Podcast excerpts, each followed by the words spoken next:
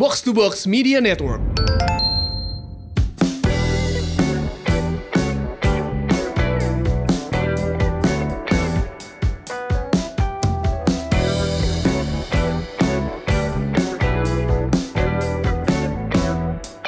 Halo Semurian, selamat datang kembali di Podcast Semur, Sehat dan Makmur.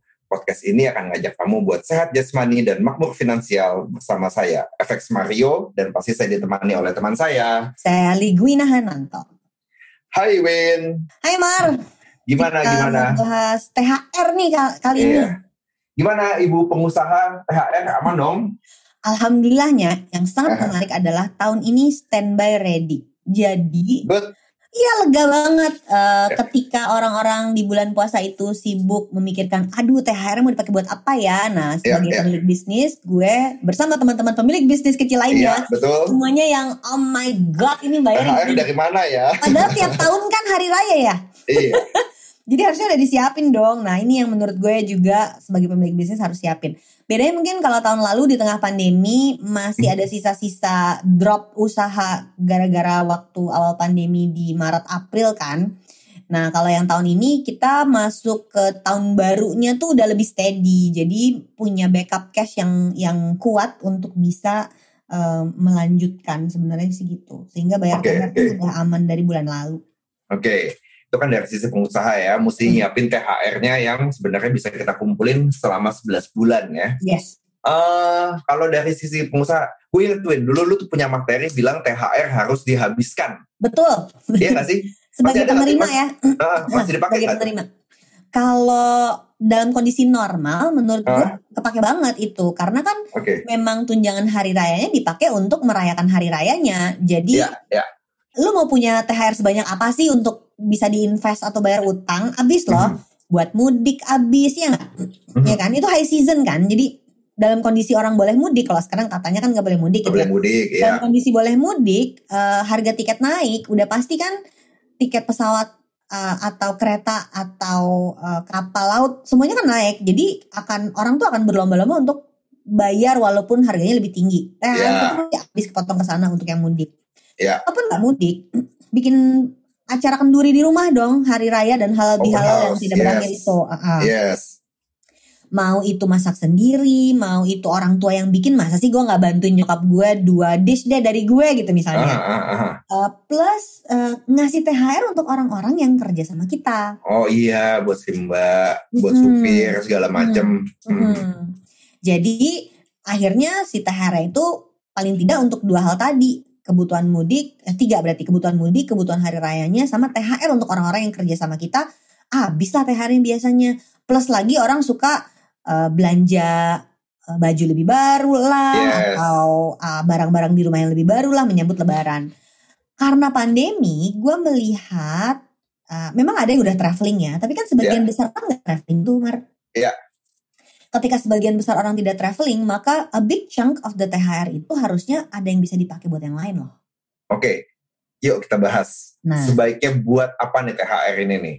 nomor satu adalah memastikan pembayaran utang lancar Oke, menurut gue itu jadi buat yang kemarin agak-agak tertunda mungkin kalau income-nya ya berkurang mungkin ada yang sampai gitu harus kan. ngutang karena ah, ah. penghasilannya turun Iya. mungkin ada yang usahanya jadi punya utang tambahan untuk bisa survive atau Iya. mungkin ada yang sesederhana eh, ada cicilan rumah yang harus dibayar Iya. kenapa enggak sebagian dari THR itu dipakai untuk nambah-nambahin porsi bayar utang jadi misalnya di rekening buat auto debit bayar cicilan itu biasanya cuma ada untuk satu kali nah Mhm. dari uang THR itu jadi ada satu setengah kali deh gitu misalnya Oke. itu contoh Oke, yang punya utang kartu kredit manfaatkan THR ini untuk melunasi kartu kreditnya.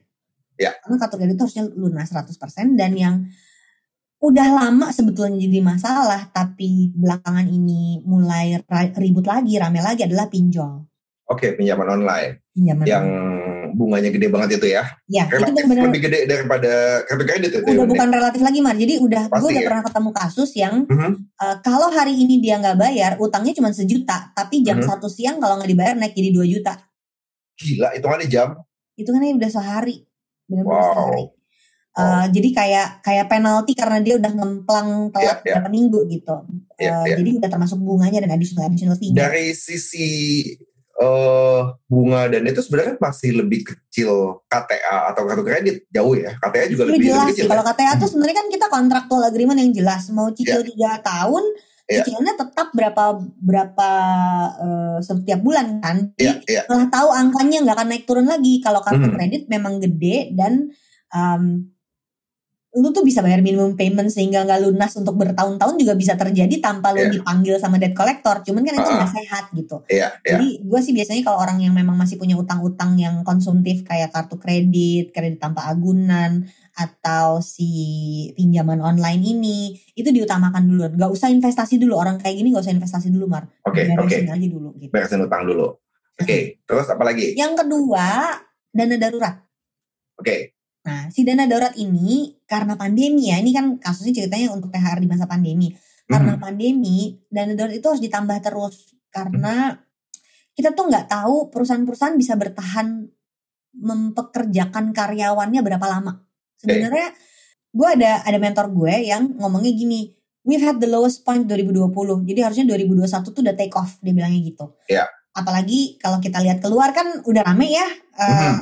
dan orang Indonesia tuh resilient banget gitu kan, kayak udah ah gue capek pandemi setahun, pokoknya sekarang gue mau bangkit. Gue gue Iya. ngerasanya tone-nya tuh kayak gitu di luar sana. Yang Iya. bagus tapi kan menegangkan ini artinya gimana gitu. Nah kalau dari sisi bisnis gue melihatnya eh, yang ini bukan gue ngedoain ya tapi gampangnya gini deh. Lo lihat orang yang punya restoran di mall dan sepi mallnya, Aha. dia mau berapa lama bisa mempertahankan restorannya di situ coba? Iya sih. Ya kan? gue udah mulai gue udah mau gue sempat udah sempat ke mall udah sempat jalan-jalan gue udah perhatiin beberapa toko yang udah tutup eh, ya karena mungkin nggak bisa jualan gitu nggak bisa trafiknya tuh nggak masuk di hitungannya Iya, dia iya. kan jadinya. Jadi Iya, waktu disuruh iya. perpanjangan lagi mau bayarnya pakai apa? iya maka akan ada perusahaan-perusahaan yang akan harus layoff karena eh, terlalu slow. Mhm. Jadi jadi lu bisa bertahan tapi lu nggak bisa bertahan slow begini terlalu lama kan? Mhm. Jadi akan ada titiknya sampai bulan apa deh kalau ini masih nggak ada perbaikan kita terpaksa harus perampingan. Nah Ya. kalau amit-amit sampai terjadi, menurut gue semua orang ada harus nyiapin dana daruratnya. Jadi Oke. pertanyaannya sekarang, kalau semua orang, termasuk gue sama lu ya, Ya. amit-amit bisnis kita nggak bisa bertahan dan harus stop nih, nggak bisa Mhm. beroperasi lagi, kita punya uang backup untuk hidup berapa bulan. Oke. Nah, untuk bisa hidup berapa bulan itu yang disebut hitungan dari dana daruratnya. Misalnya Oke. mau dipakai hidup untuk tiga bulan, berarti kalau pengeluarannya 5 juta, 3 kali 5 berarti punya 15 juta. Kalau 15 juta. pengeluarannya 10 berarti 3 kali 10 berarti 30 juta. Jadi langkahnya untuk bikin dana darurat tuh pertama tahu dulu berapa sih ongkos bulanan total yang lu butuhkan untuk bisa bertahan hidup dalam kondisi terburuk lo. itu terus pelan-pelan dikejar dengan eh, nyisihin gaji bulanan sama bisa kalau nanti ada sisaan THR yes Nah, oke oke oke oke. Nah, menyimpan dan ke- menyimpan dana darurat ini biasanya di produk yang low risk tapi liquid, misalnya tabungan, Hmm. deposito. Kalaupun reksadana hanya yang pasar uang, beberapa Mhm. orang ada yang nggak sabar kalau cuma di tabungan dan deposito, jadi dia mau reksadana. Ada lagi yang maunya emas batangan. Oke, oke. Nah itu dana darurat. Jadi yang pertama tadi beresin utang, yang kedua adalah dana darurat. Ada yang Ya. ketiga lagi mas? oke Yang ketiga itu investasi. Yap. Nah, kalau kita ngomongin investasi, balikin ke tujuan finansial kita apa kan? Eh, ada obrolan-obrolan menyenangkan dengan anak-anak muda yang umurnya di bawah 30 nih pada saat Mhm. mereka hmm, dalam posisi kondisi orang tua yang ini bukan crazy rich tapi eh, cukup cukup lah makmur cukup. gitu, sehat Mhm, gitu mhm. keuangan orang tuanya. Jadi mereka THR-nya itu dan mudiknya nggak jauh gitu ya. Jadi THR-nya itu utuh si anak-anak muda ini. oke Nah, kalau nggak pandemi dia udah pergi liburan kali ya. Mhm. Eh, ya paling ngetip-ngetip doang gitu sama sama mbaknya di rumah gitu, sama supirnya di rumah gitu. Tapi kan dia nggak harus full bayar THR ke orang tuanya gitu. Ya. Akhirnya mereka ngumpulin jadi DP rumah, oke ngumpulin good, jadi good. DP untuk beli mobil sendiri misalnya kayak Iya. gitu. Nah ini bisa bisa melakukan investasi eh, atau beberapa ada yang bahkan kan lagi kekinian banget ya. eh, si THR-nya ini dicemplungin lah ke saham atau ke kripto. Ini Yes. gue bukan rekomendasi ya, ini gue menceritakan obrolan apa yang kita gue lihat ya yang gue lihat dengan anak-anak muda sekarang yang nggak Ah. sabar kalau lihat duit duduk-duduk doang nganggur gitu. Ya.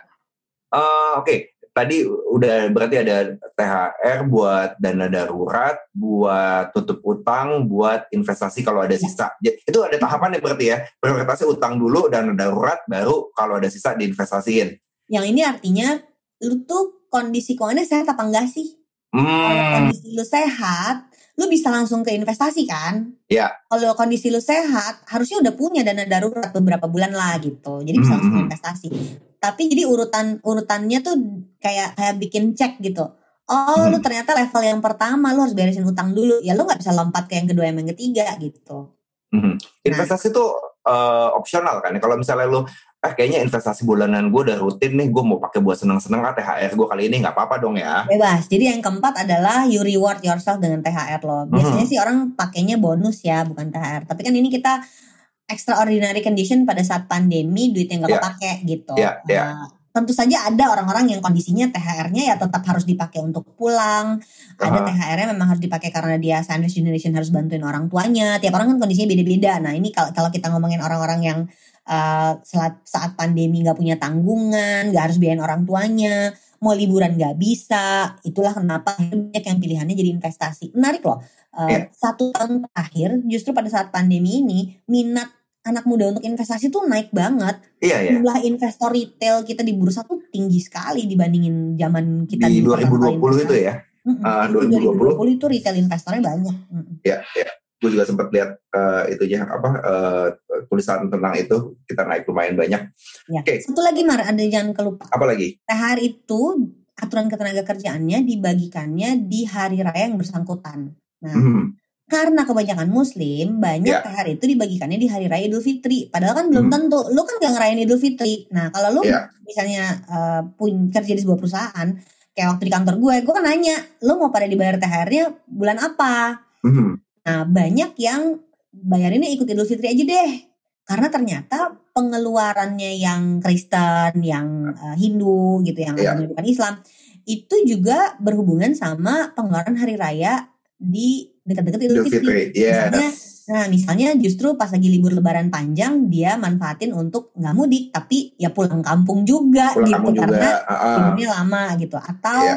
em, misalnya dia punya asisten rumah tangga yang muslim semua. Ya kalau dia Iya. terima THR-nya di Natal, bablas aja dia harus bayar THR eh, pekerja rumah tangganya di Idul Fitri kan, contohnya Iya. gitu. Jadi THR ini em, artinya gini, kalau lo ada pengeluaran di Natal dan terima THR-nya di Idul Fitri, ini harus ada yang disimpan buat Desember.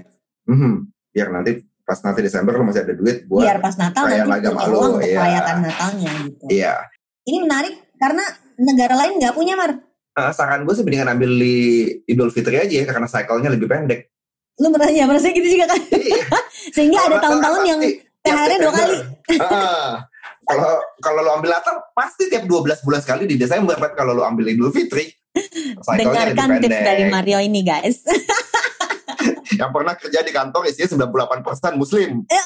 Benar-benar 98 karena yang non muslim itu cuma lu sendirian Iya. gitu. Enggak. Ada Yani juga kok Ada waktu Yani. itu. Ada Pak Sugi ya. Ada ada Sugi ya tiga orang. tapi tapi yang menarik jadi THR ini unik di Indonesia. Negara lain tuh hampir nggak ada. Oke. Jadi tunjangan hari raya itu unheard of di negara lain. Di Mhm. Australia setahu gue nggak ada, Singapura setahu gue nggak ada, Amerika apalagi boro, libur eh, melahirkan aja nggak ada dia, cuti melahirkan aja nggak ada. Jadi jadi ini dimanfaatkan karena Manfaatkan, yes. menyenangkan kan terima. Oh oh ada satu lagi. Apa? Ada perusahaan-perusahaan yang bagi THR-nya dua kali mar. Dua, dua kali. Dua kali di Idul Fitri dikasih. Oh Idul Adha juga dikasih. Itu gue tahu bang kayak gitu. Oke.